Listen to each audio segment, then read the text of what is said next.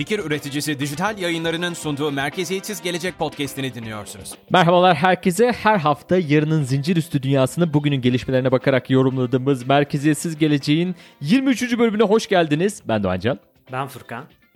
Bugün özel bir konuğumuz var. Furkan'la oturduk dedik ki ya bu ikinci katman çözümlerinden konuşmamız lazım. Bu ikinci katman sadece Ethereum'da da değil. Farklı yerlerde de ikinci katman çözümler var. Bunlar bir sürü yenilikler, bir sürü kolaylıklar sağlayacak. Bunu nasıl konuşuruz? Çok da tekniği teknik de konu olacak, teknik de bölüm olacak ama biraz dedik eğlenceli katırız. Ee, biraz ne, ne açıda kullanabiliriz onları da katırız dedik. Bununla bilgi dolu kim var diye düşünürken Layer 2 Emre aklımıza geldi. Bugün konuğumuz Emre Aşık. Ee, onunla birlikteyiz. Emre hoş geldin. Nasılsın?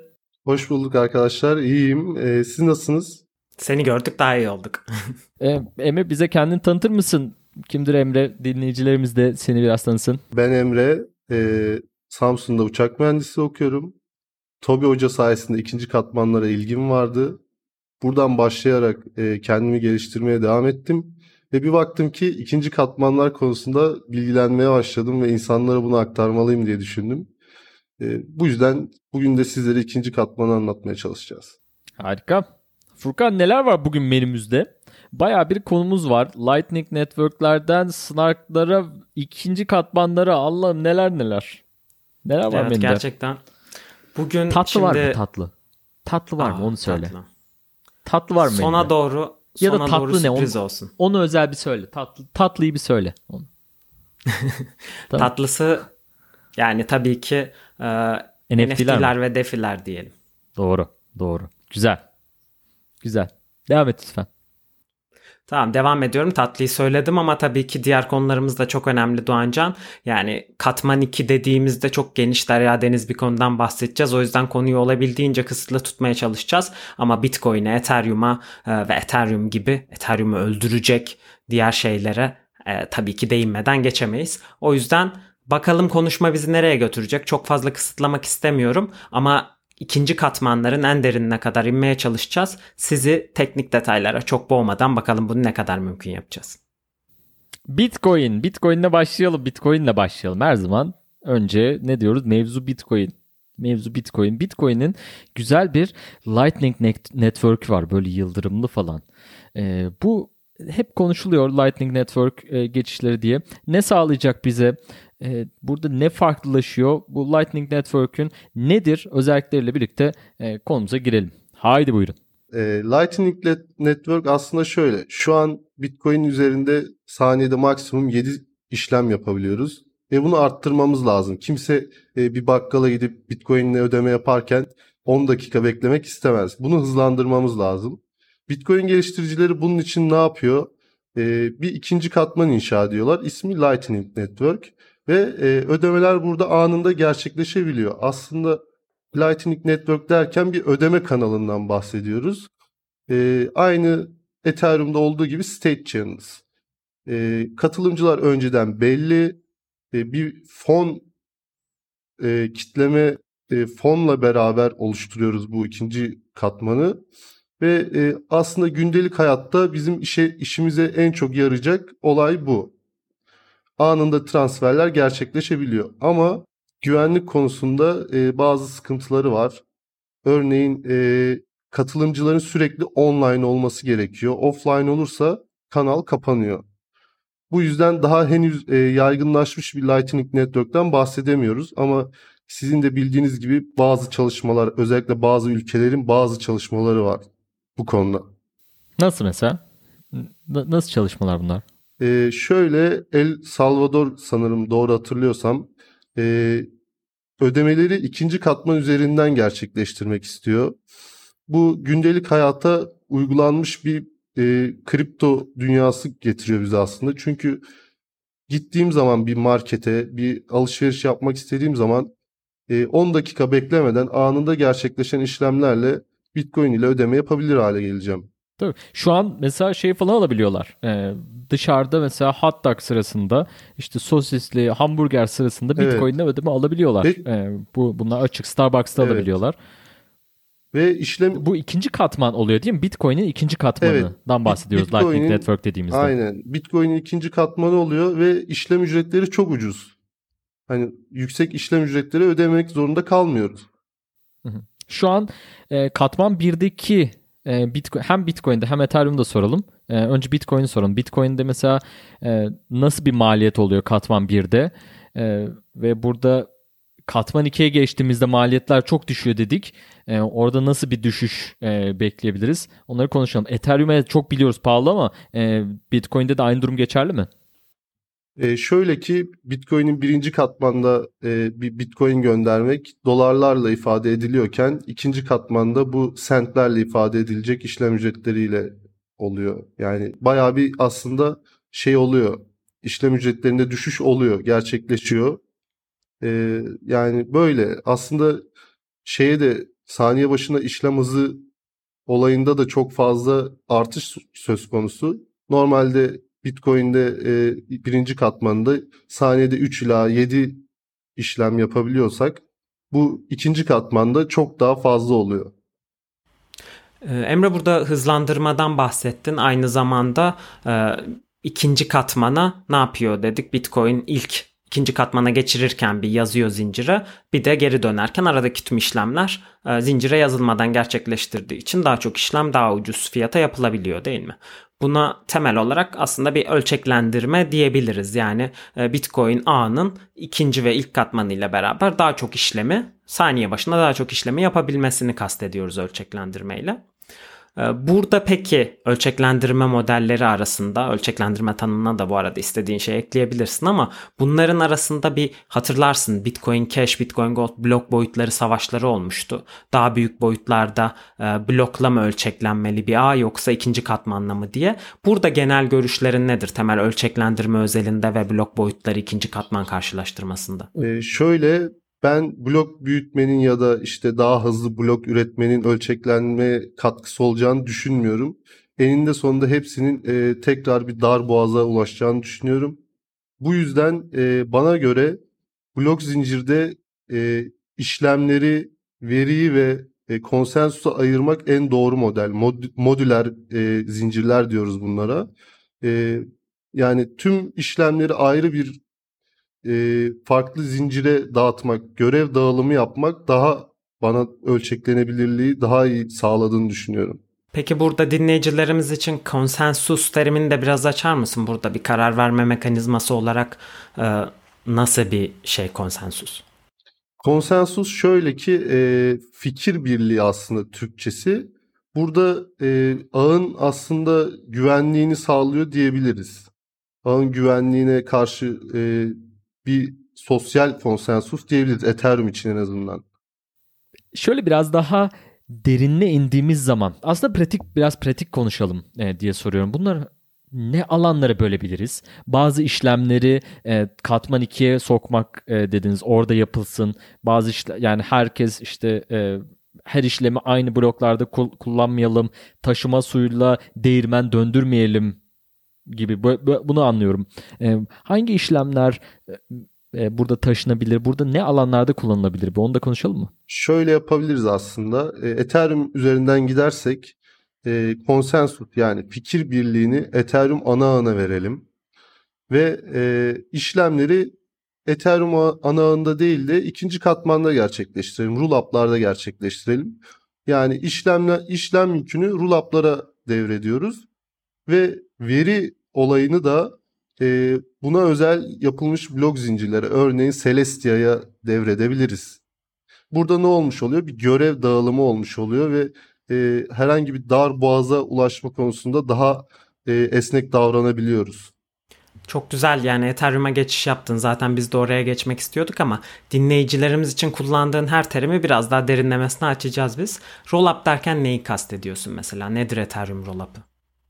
Şudur aslında çok basit bir cümleyle anlatırsak e, işlemleri Ethereum ana ağı dışında gerçekleştirip bu işlemlerin kanıtını Ethereum ana ağına yayınlamaktır aslında. Yani bütün bilgileri değil de aslında bazı kriptografik sinyallerini mi yolluyoruz Ethereum ağına? Sa- sadece aynen işlemlerin sadece kanıtını yolluyoruz Ethereum ana ağına ve böylece Ethereum ana ağının güvenli altında olmuş oluyor. Aslında iki tür roll-up'ımız var. Bunları da açabiliriz isterseniz. Hı hı. Ee, optimistik yani iyimser roll-up'lar ve sıfır bilgi rulapları, ZK rulaplar olarak ikiye ayrılıyor. Op en sevdiğim sıfır bilgi. Aynen. E, ZK rulaplar e, sıfır bilgi ispatı denilen bir kriptografik e, kanıta dayanıyor. Bu aslında sadece blok zincir alanında da kullanılmıyor. E, örneğin şöyle bir örnek verelim. E, bir bankayı aradınız. Banka size ne soruyor? Annenizin kızlık soyadını soruyor.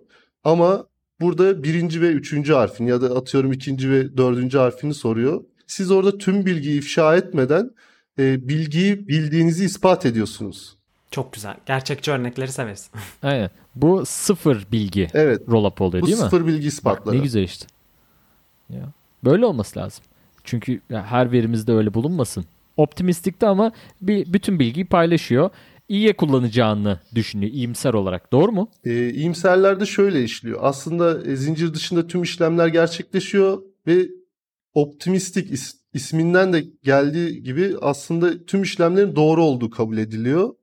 Ve e, eğer 7 gün içerisinde birisi bu işlemlere karşı çıkmazsa hayır bakın bu işlemler yanlış e, böyle böyle hani bunların düzeltilmesi lazım demezse e, o zaman işlemler şeye ulaşıyor e, kesinliğe ulaşıyor ama 7 gün içinde birisi karşı çıkarsa o zaman e, bu işlemleri yayınlayan kanıtlayıcı ceza yiyor. Çok güzel. O zaman o yüzden biz gönderdiğimizde hemen giderken e, ikinci katmana paralar geri çektiğimizde bir hafta bekletiyor sistem. Evet, evet. Optimizm'de, Arbitrum'da, e, tüm optimistik rulaplarda böyle gerçekleşiyor. 7 gün bekleme süresi var. Ama tabii ki bunu köprü gibi çözümlerle e, aşabiliriz. Burada da ekstra bir maliyet ortaya çıkıyor. E, yani o maliyeti göze alıp almamak mesele. Yani köprüye aslında belli oranda komisyon Evet, ödüyor. komisyon ödüyoruz. Köprü aslında bir sigorta gibi yani sigortanı alıyor gibi bir şey oluyor.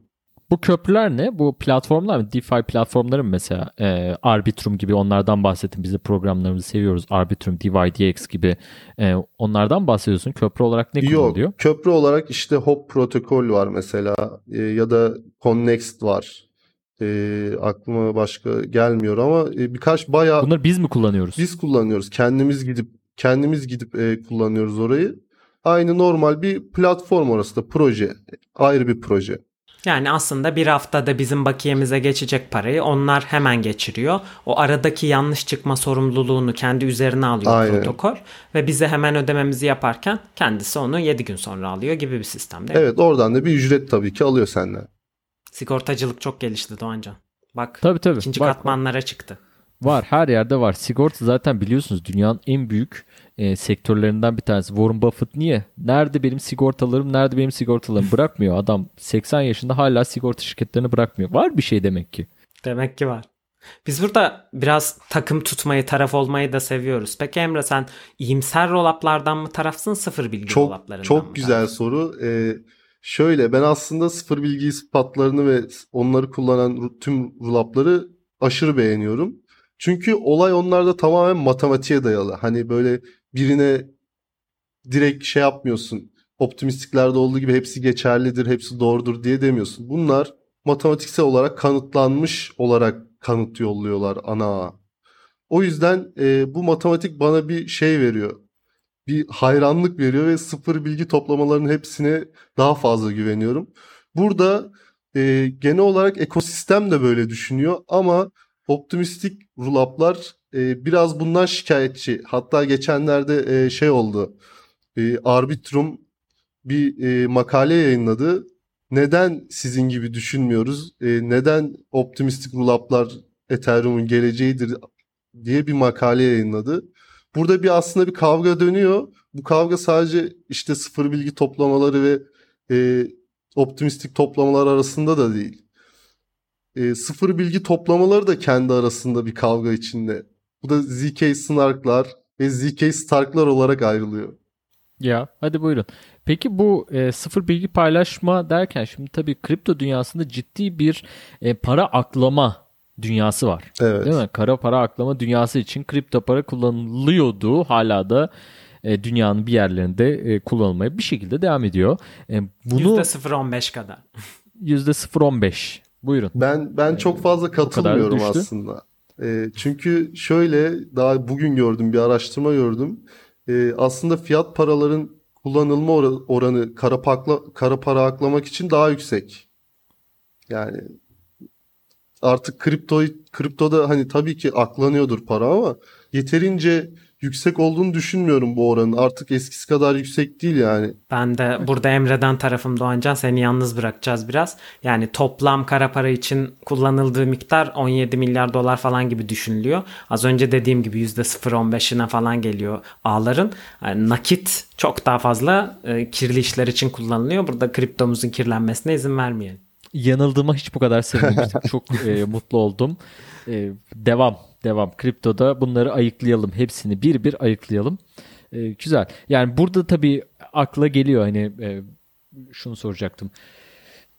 Sıfır bilgi verdiğimiz zaman hani bunların önü bir şekilde açılabilir mi? Bu açıklar e, güvenlik açıklarında e, hangisi daha faydalı oluyor? Bilgi açıklığında bahsetmiyorum. Güvenlik e, olarak e, daha büyük ölçekte baktığımız zaman e, hangisi daha ön planda e, gidiyor?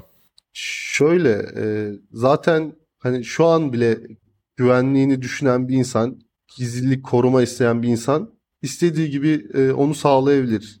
İşte remixler var Bitcoin tarafında ya da e, Ethereum tarafında Tornado Cash var. Bunlar da sıfır bilgi ispatını, Zcash var. Bunlar da sıfır bilgi ispatını kullanıyorlar. Yani o yüzden e, bence çok bir fark yaratmaz hani bu kara para aklama seviyesinde. E, gizlilik tarafında tabii ki gizlilik yaratanlar olacak. Aztek var mesela Aztek Network. Tamamen gizlilik odaklı ikinci katman. Aynı şekilde Starkware'ın da böyle bir düşüncesi var. Gizlilik odaklı ikinci katman oluşturmak istiyorlar. E, rakipleri gittikçe artıyor bu ikinci katman yaygınlaştıkça. Yani diyorsun ki bu işi yapmak mümkün ama siz siz olun böyle kara para falan bu işlere hiç girmeyin. Sonuçta Yok. transparan bir ağdan bahsediyoruz. E, kendinizi master hacker sanıp bu toplara girmeyin yakalanırsınız arkadaşlar mı demek istiyorsun? Ee, şöyle yani sevmez böyle şeyleri. Yaka, yakalanmak isteyen yakalanma yakalanmamak isteyen yakalanmaz. Yani o bak var yolu diyorsun yani bak. Yani. Hayda. Hırsıza yol gösterdiler. Hadi buyurun. Bir de bir davamız eksikti. Emre ne yaptın Emre? Neyse şaka yapıyorum. Güzel. Eminim ki siber güvenlik tarafında da bunlara çözüm bulmaya çalışanlar olacaktır. Burada aslında çift taraflı bir yarış var. Ee, kim kendi izini daha iyi saklayacak ve kim onu bulacak.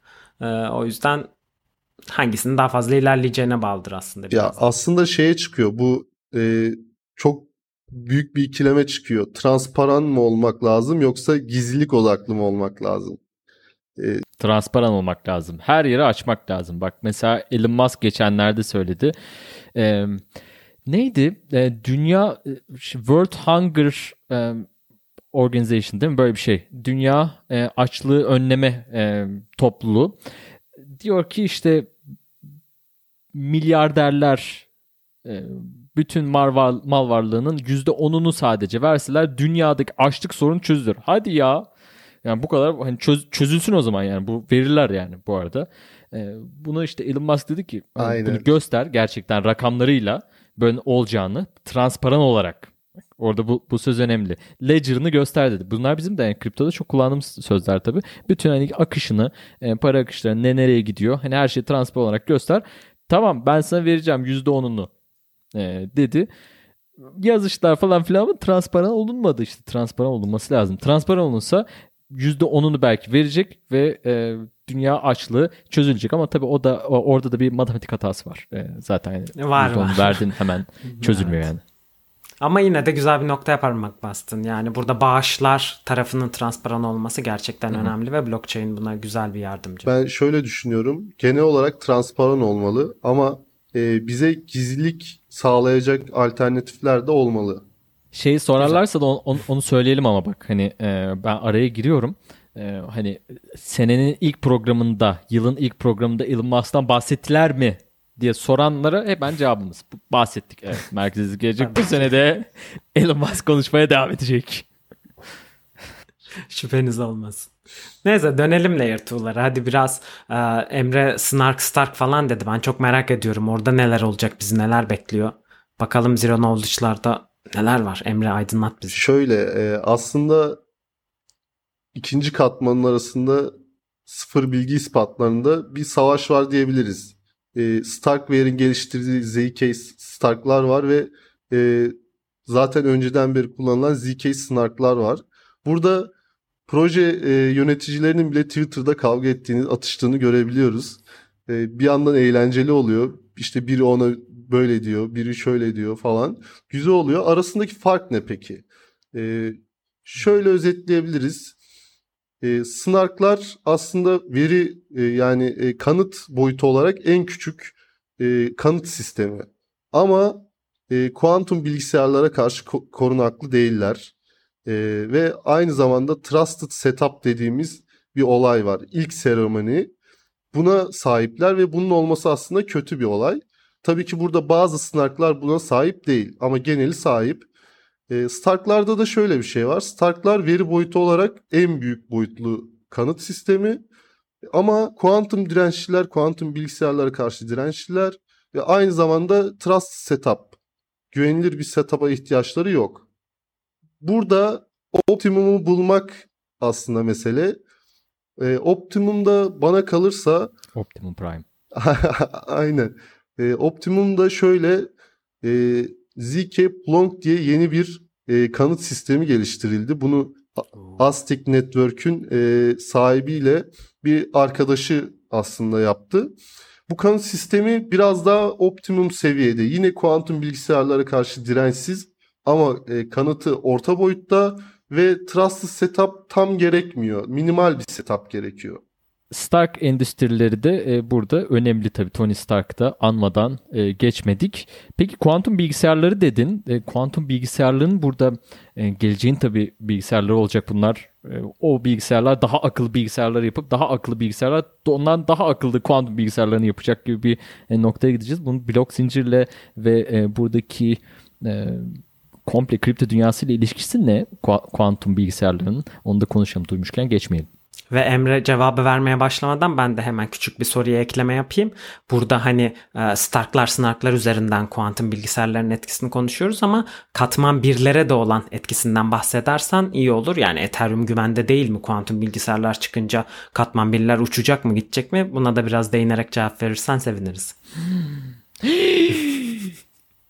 Aslında şöyle, e, burada kuantum bilgisayar riski e, tamamen matematiğe dayalı hesaplamalar yaptığı için bu ikinci katmandaki ZK rolup'lar burada bu kriptografik kanıtın kuantum bilgisayarlar tarafından çözülmesi mümkün hale gelebilir e, olayı aslında tehlike. Yani burada işte tamamen matematikle yapıyoruz. Tamam okey. Ama bu kriptografik kanıtı kuantum bilgisayarlar çözebilir ileride. Belki çözemez. Belki o e, teknolojiye ulaşamayız. Ama bu tamamen bir risk olarak orta, orada duruyor yani. Bizi bekleyen bir risk. Bunun birinci katmana etkisi nasıl olur? E, onu bilmiyorum. Çünkü o kadar e, şeyim yok. Teknik bilgim yok.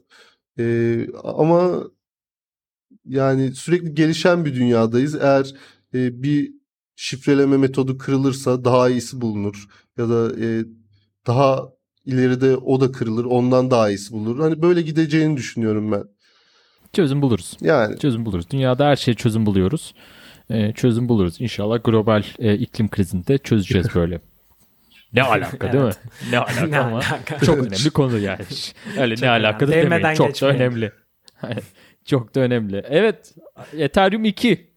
İkinci katman. Hadi gelmiyor mu? Ethereum ikinci katmanı kullanıyoruz da Ethereum 2.0 ne zaman? Hiç gelmiyor bu yani. e, Furkan aslında 3 yıldır anlatıyor bana. geliyor aslında. Şöyle e, 2022'nin birinci çeyreğinde birleşme, merge'ün gerçekleşeceği düşünülüyor. Tabii Ethereum bu konularda biraz şey olduğu için, hantal olduğu için bu ertelenebilir. Hani yıl sonuna doğru da düşünenler var bunu. Ama şu anlık birinci çeyrekte gerçekleşeceği düşünülüyor. Peki nasıl bir etki yaratacak?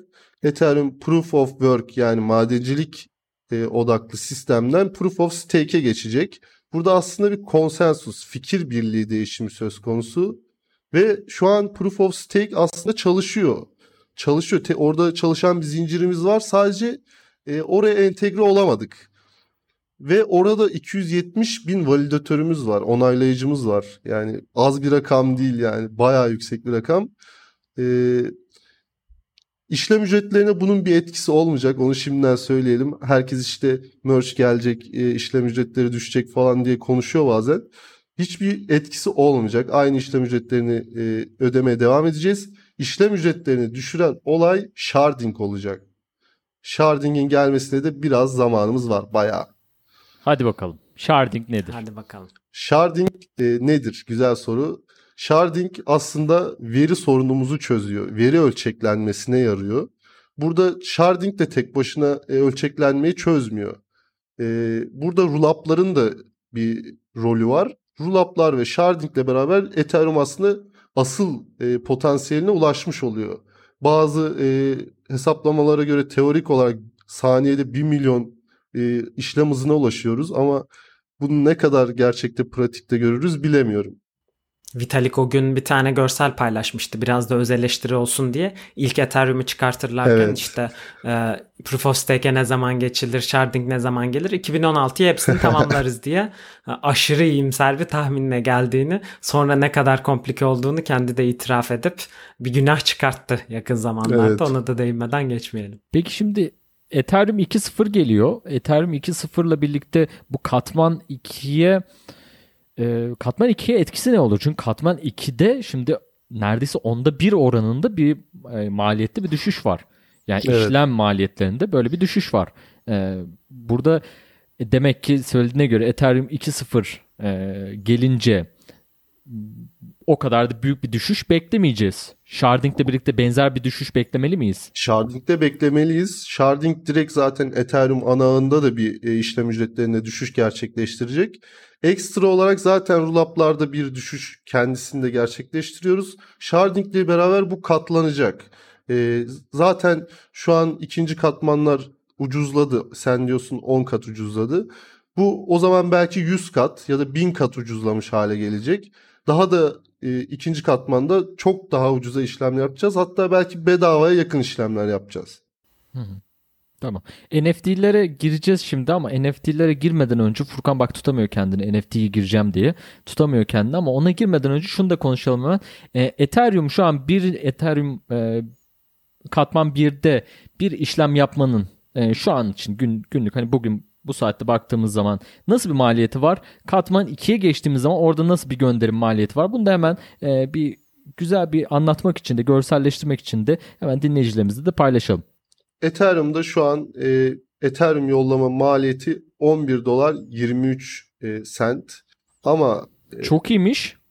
yani şu an öyle. Tabii bu sürekli değişen bir şey olduğu için e, anlık olarak şu an anlık olarak 11 dolar 23 sente ben sana Ethereum yollayabiliyorum.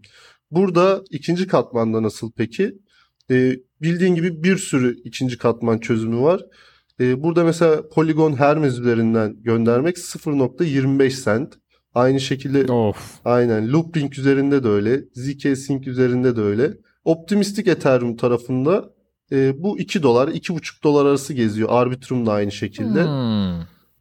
Böyle. Yani neredeyse 5 kat hatta 5 kat zaten yani 100 kata kadar gidiyorsun. evet minimum minimum 5 kat. E, tamam. E, Peki bu şimdi her şeyde tabii farklı e, işlemler oluyor değil mi? Ben, ben NFT alıyorum mesela. 50 doları diyorum. Evet. Onu ne yapacağız? Bir kere benden ne istedi biliyor musun Furkan? İki- Ne istedi ya? 250 dolar istedi benden. Maşallah. 250 dolar istedi. Abi 250 dolar da yani bizim yani şimdi NFT yaparken verecek yani verir miyiz abi esnaf adamız ya? Kaptırır mıyız paramızı? 250 dolar diyor ya. 250 dolar iyiymiş. Elli Geleceğin dolar adı- teknolojisi diye cüzdanımızı boşalttılar. Bence 250 dolar iyiymiş. Hani böyle e, bir yoğunluk olduğu zaman verilebilecek para. 750 dolar, 1000 dolar, 1500 dolar verenler var yani. Neler Tabii de diyorsunuz popüler neler? NFT çıktığı zaman koleksiyona herkes birden hücum ediyor. Ben mintleyeceğim, o mintleyecek derken yani şey diyor ucu açık bırakıyorlar. Ne kadar olursa olsun yeter ki bunu bana verin. Sonra zarar etsek de olur bir şey. olmaz. Aynen. ya parası olan veriyor aslında. Bu şey gibi düşünebiliriz. Ethereum ana bir otoban, otoyol. E, buradaki araçlar bizim işlemlerimiz ve bu otoyol dolu abi. Trafik var. Yanda da bir güvenlik şeridimiz var. Emniyet şeridimiz. Hı. Oraya rüşvet vererek biz oradan hızlıca geçebiliyoruz. Daha fazla işlem ücreti veriyoruz oradan geçebiliyoruz. Böyle düşünebiliriz. Rüşvet yok, rüşvet yok, rüşvet. Aa, bak şimdi Teşvik Furkan- diyelim. Teşvik. Furkan yine şey oldu. Hediye. Teşvik, teşvik. Rüşvet bak ya o da, da çirkin. Rüşvet yok, teşvik var. Hadi ya. Bağış diyelim. Tamam Bağış bağış, diyelim. ha bak daha da ileri git bağış. Aynen ha, şey öyle yapıyor bak avukatlar öyle yapar. Bağış diye veriyorlar onlar. Buradan Doğancan farklı meslek gruplarını kızdırmadan bence şeye dönelim. Orada NFT konusunu açmışken Doğancan e, dediği gibi ben soruyu tekrar edeyim. NFT'lere ve DeFi'ye bunun etkisi ne olacak Emre? Ne düşünüyorsun? Orada insanlar sence ikinci katmanda NFT'yi alıp verip sonra arada bir katman 1'e mi çekecekler? Yoksa herkes yine yüksek ücretleri verip katman 1'de yapmaya devam mı eder? Yoksa popüler Bored Ape Yacht Club gibi koleksiyonlar biz ünvanımızı koruruz, katman 1'de kalırız der de yeni oyuna girmeye çalışanlar ikinci katmanda mı kendi NFT'lerini satmaya çalışır? Ne düşünüyorsun bu konuda? Güzel soru. Daha önce bu konuda çok düşünmemiştim. Ee, şöyle bence NFT marketleri burada olay e, bana kalırsa. NFT marketleri eğer ikinci katmana taşınırsa zaten problemin çoğu çözülmüş oluyor. Özellikle OpenSea gibi büyük NFT marketleri. E, aslında OpenSea'nin Immutable'la ikinci katman çözümüyle bir anlaşması var. Ama e, bu şu ana kadar gerçekleşmiş bir olay yok. Bekliyoruz aylardır. Eğer Immutable altyapı desteği sağlarsa OpenSea'ye e, ağ bayağı bir şey olur. Yoğunluktan kurtulur ve e, alıp satarken çok daha ucuz şeylerde işlem ücretleriyle yapabiliriz, gerçekleştirebiliriz. Bence NFT marketleri taşınır diye düşünüyorum. OpenSea her ay 300 milyon dolar yatırım aldığını duyuruyor. Ne ne yapıyorlar yani bunlar bir noktada bir yere yatırım yapmaları lazım. Sadece insan yatırımıyla olmaz bu iş değil mi? Şimdi şurada da şöyle bir soru geliyor akıllara hemen. Cüzdanımızı biz burada koruyabilecek miyiz? Katman 2'ye geçtik diyelim. Tamam. OpenSea'de katman 2'ye geçtik. OpenSea katman 2'ye geçti. Ben şimdi katman 2'ye de Ethereum birinci katmanında olan, Ethereum birinci katmanındaki e, zincire yazılmış olan NFT'mi ikinci katmanda da gösterebilecek miyim? İkinci katmanda da satışa çıkartıp veya kullanabilecek miyim? Ee, orada e, çözüme bağlı olarak değişebilir ama e, bu bence çöz sorun olmaz. E, çünkü eğer öyle bile olsa birinci katmanda bile kalsa NFT'in onu bir köprülemeyle ikinci katmana geçirecek e, yöntemler çıkarabilirler. Hatta bunun üzerine çalışan projeler var. E, işte cross-chain NFT e, transferi üzerine çalışan projeler var. Bunu ikinci katmana da aynı şekilde uyarlayabilirler. Ama burada asıl olay bence NFT projesinin çıkmak istediği yer. Hani e, atıyorum birinci katmanda mı çıkmak istiyor yoksa ikinci katmanda mı çıkmak istiyor? İkinci katmanda çıkmak istiyorum. ikinci katmanda çıkmak istiyorsun. O zaman e, çok düşük işlem ücretleriyle bunu gerçekleştirebilirsin. Mesela Immutable'dan konuştuk. Bazen ben paylaşıyorum Immutable'ın projelerini. E, orada mesela ana ağda 200 dolar ödeyecekken, 150 dolar ödeyecekken biz 10 dolar gibi bir ücretle direkt ikinci katmanda o NFT'yi oluşturabiliyoruz. Mint edebiliyoruz. Peki çok güzel bir noktaya parmak bastın. Burada ikinci katman çözümler ne kadar merkeziyetsiz? Yani biz NFT'mizi orada tutarken sonuçta güvenmek zorunda mı kalacağız? Yoksa Ethereum'a güvendiğimiz için merkeziyetsizliğine e, güvenlik konusunda bir endişe yaşamamalı mıyız? Biraz bu açıdan da bakalım mı? Çok güzel soru, çok güzel soru. Bu aslında ikinci katman projesine göre değişiyor. Ee, burada teknik olarak düşünürsek Arbitrum ve Optimizm'i e, Optimizm'de e, sequencer dediğimiz sıralayıcı kanıtı e, birinci katmana yollayan bir otorite var. Bu otorite e, şu an sadece projenin kendisine ait. Hani e, biz herhangi bir şey yapamıyoruz, oraya katılım sağlayamıyoruz ama ileride ne düşünüyor bu projeler? Bir havuz oluşturalım. E, herkes sequencer, sıralayıcı olabilsin, kanıtlayıcı olabilsin ve e, bu şekilde merkeziyetsiz hale gelsin. Ama şu anki durumda Arbitrum için mesela merkezi diyebiliriz biraz. Ee, ama ileride bunlar çözülebilecek sorunlar. Hani çözülebilir. Ee, Immutable'ı konuştuk. Immutable'da da mesela Immutable aslında bir Validium çözümü. Validium'da fonlar dondurulabilir ama çalı çalınamaz. Normalde çalınabilir ama E, Starkware buna bir çözüm olarak bir komite kuruyor. Bu komite e, veri bütünlüğünü sağlıyor. Verinin e, dışarıya çıkmasını engelliyor. Bu şekilde çalınamaz hale geliniyor. Yine dondurulabilir ama çalınamaz. Yani aslında pro- projeye göre değişiyor diyebiliriz. Güzel anladım. Yani her türlü araştırmanızı yapacaksınız. Tabii hangi ki. ağa güvenirsiniz, hangi ikinci katmana güvenirsiniz. Ona karar verip orada alım yapıyorsanız bile belki orada tutmayıp birinci katmana çekmek Evet. e, daha güvenli evet. hale getirecek. Şöyle e, bir site var aslında L2 Bit isimli. Bu sitede ikinci katmanlı projeleri ve bu projelerin riskleri de yazıyor. Güvenlik riskleri. İnsanlar eğer e, yatırım yapmadan önce girip buraları incelerse daha sağlıklı olur. Çünkü tüm güvenlik riskleri yazıyor. Peki biraz da diğer zincirleri kızdıralım Emre. Yani bu kadar inovasyon oluyor. Hepsi Ethereum'da oluyor. Hani katman 2'ler hep Ethereum'a geliyor. Orada platformlar kuruluyor. Ethereum'u öldüreceğim diyen bu diğer ağlar ne yapıyor? Onların katman 2'de bir çözümleri yok mu yoksa katman 1'lerine mi güveniyor? Onlar aslında katman birlerine güveniyorlar.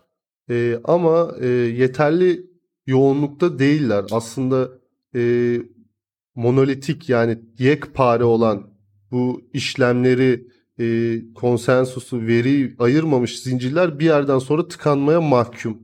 E, burada tabii kendi çözümlerini üretiyorlar. Ne oluyor? Polkadot işte Parachain isminin verdiğimiz sharding'e benzer e, bir çözüm üzerinde çalışıyor.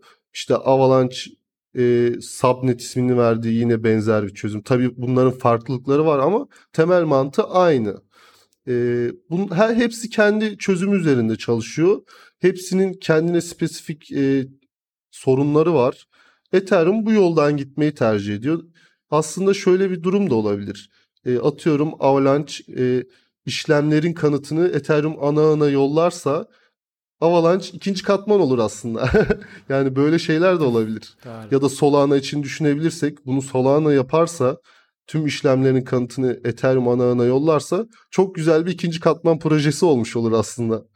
Tabii Solana'yı çevrim içi yakalarsak. evet o da var sürekli çöktüğü için. Evet. Şöyle Nasıl oluyor peki? Şimdi şöyle şu değil değil mi? Hani zincirden zincire akış onu hala yapamıyoruz değil mi? Bu katman 2 ile falan çözebileceğimiz bir şey değil.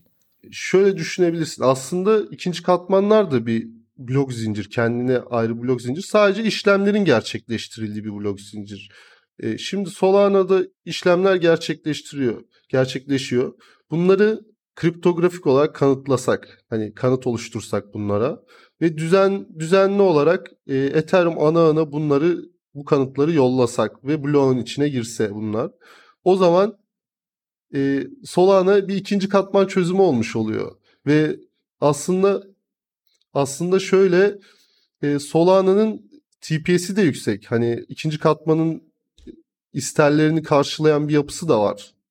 Beyler çok güzel konuşuyorsunuz ama biraz daha toparlayalım. En uzun bölümümüz oldu şimdiden.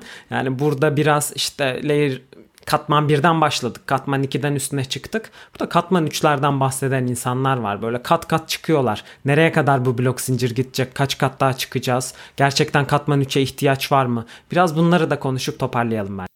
Layer layer çalışın çocuklar. Layer layer çalışın diye de söylemişler. Bu biri geldi, ikisi geldi. Üçü ne zaman gelecek? Ya Hemen bak aslında istiyorlar. aslında bunun bir sonu yok. Bunu sınırlayan şey maliyet, tamam mı? Ee, burada ilk iki, üçüncü katmandan bahseden Starkware isimli şirket. Bu Starknet'i oluşturan. Yine Tony Stark. Yine Tony Stark Gördünüz. abimiz. Yine aynen. evet bunlar bahsediyor ilk. Ve e, bunlar sıfır bilgi ispatını kullandığı için e, bu ispatı oluşturmak aslında çok maliyetli bir olay. Yani çok fazla hesaplama gücü gerektiriyor. Bu yüzden maliyetli e, her katmanda ekstra maliyet yükleniyor. Ama bu şirketin parası var. İsterse dördü de yapar ki yapmak istiyorlar. Beşi de yapar, altıyı da yapar. Peki ne sağlıyor bu bize? Ee, iki kere sıfır bilgi ispatı kullandığı için bir kere gizlilik sağlıyor. Üçüncü katmanda gizlilik e, odaklı oluyoruz. Ve e, ölçeklenme olarak ekstra ölçekleniyoruz. İkinci katmanda bir kere ölçeklendik. Çarpıyorsun onu üçüncü katmanda bir o kadar daha ölçekleniyorsun. Yani işlem ücretleri bir o kadar daha düşüyor. Inception'daki rüyalar gibi Aynen. farklı sürede geçiyor mu bunların arasında? Yani neredeyse bedava işlem yapabilecek hale geleceğiz 3. katmanda, 4. katmanda. Evet kesinlikle yani orada tabii şu lazım olacak şu şöyle bir dünyaya gideceğiz orada artık e, günlük hayatımızın her yerinde alışveriş yaptığımız artık yani böyle dolarla falan filan herhangi bir şekilde işimiz olmadığı kriptodan işte na- nasıl daha e, bunu biraz daha nasıl e, uyguna kullanabiliriz diye e, kullandığımız gün e, bu katman üçler daha da fazla gelecek ve Evet. e, diğerleri de olacak herhalde diyelim. Evet kesinlikle. Peki Emre çok teşekkürler. Ee, Ben teşekkür vallahi ederim. harika bir programdı. Ee, bayağı da detaya girdik. E, Kusura bakma detaya girmeyelim mi arada? Yok anlatmayalım mı bunları? Keşke- İlla şey mi yapalım? Keşke daha uzun vaktimiz olsa daha uzun bir şekilde detaylı teknik konuşabilsek. Tabii. İlla şey mi yapalım biz de mesela? Şimdi e, Bitcoin e, düşecek mi kalkacak mı? 23 binden çıkacak gibi. Dü- düşerse o, ama tutarız. ya, illa bunu mu konuşalım? Hayır. Yeni teknolojiler de konuşacağız. Evet efendim. Emre, e, Layer 2 Emre bizlerleydi. Emre seni nasıl bulabiliriz? E, nerelerdesin? Nasıl bulabiliriz? Dinleyicilerimiz seni Twitter'da bulabilirler herhalde. Kullanıcı adım 0x Emre. Ee, buradan ulaşabilirsiniz. Herhangi bir katkı ya da soru cevap her şeye dönüyorum. Dönmeye çalışıyorum vaktim oldukça. Aynı zamanda ikinci katman hakkında bir bülten çıkarıyorum. Layer 2 Planet diye. Ee, bunu da ta- e, takip etmenizi tavsiye ederim. Çünkü e, gelişmeleri haftalık değil de iki haftada bir ulaştırmaya çalışıyoruz. Bazen bu aksıyor. iki gün gecikiyor, üç gün gecikiyor. Yine de e, Türkçe yayın yapan e, iki bültenden biriyiz. Biri ZK Ape isimli bir bülten. Onları da çok seviyoruz, takip ediyoruz. Onlar sadece sıfır bilgi üzerine e, yayın yapıyor. Biz genel olarak ikinci katmanın hepsine yayın yapıyoruz. Layer 2 Planet. Ben e, hemen e, abone oldum ve 0x Emre e, burada yazıları her şeyle var. E, tavsiye ediyoruz efendim. Son olarak kapat kapatırken e, son olarak söylemek istediğiniz e, son cümlelerinizi alalım. O zaman Doğancan ben de Emre buradan kucak dolusu teşekkür etmek istiyorum. Gerçekten çok güzel program oldu. Katman 2'ye çok güzel girdik. Çok güzel detayları konuştuk, ayrıntılandırdık. Tekrar eminim ki Katman 2 dünyası geliştikçe Emre'yi yine programımızda görmek isteriz. Ben teşekkür Ee, ederim. ayrıca verdiği tüm linkleri de bırakacağız. Ben çok teşekkür ederim. Çok eğlenceli bir programsınız Ee, ve hani aslında o samimiyeti, e, bu samimiyeti çoğu yerde bulamıyorum yani. Birkaç yayına daha çıktım. Bu samimiyet kadar şey görmedim. Hmm. Yakın görmedim. Ya çok teşekkürler. Süpersin. ya. Merkeziyetsiz geleceği takip edin. Efendim Merkezesi Geleceği dinlediğiniz haftaya tekrar görüşmek üzere. Sevgiyle kalın, hoşça kalın. Kendinize iyi bakın. Katman 2'de eğlenin, çözümler sunun. Bizim denediğimiz şeyleri biraz araştırın, biraz daha derine dalın. Ee, yorumlarda da eğer bir fikriniz varsa bizimle paylaşabilirsiniz. Tartışmaya her zaman açığız. Bizi dinlediğiniz için çok teşekkür ederiz. Haftaya tekrar görüşmek üzere. Hoşçakalın. Fikir üreticisi dijital yayınlarının sunduğu Merkeziyetsiz Gelecek podcast'ini dinlediniz. Bu bölümü beğendiyseniz lütfen Apple Podcast'te yorum yazıp podcast'i değerlendirin. Çünkü bu podcast'i her gün daha iyiye götürebilmek için değerli fikirlerinize ihtiyacımız var. Teşekkürler.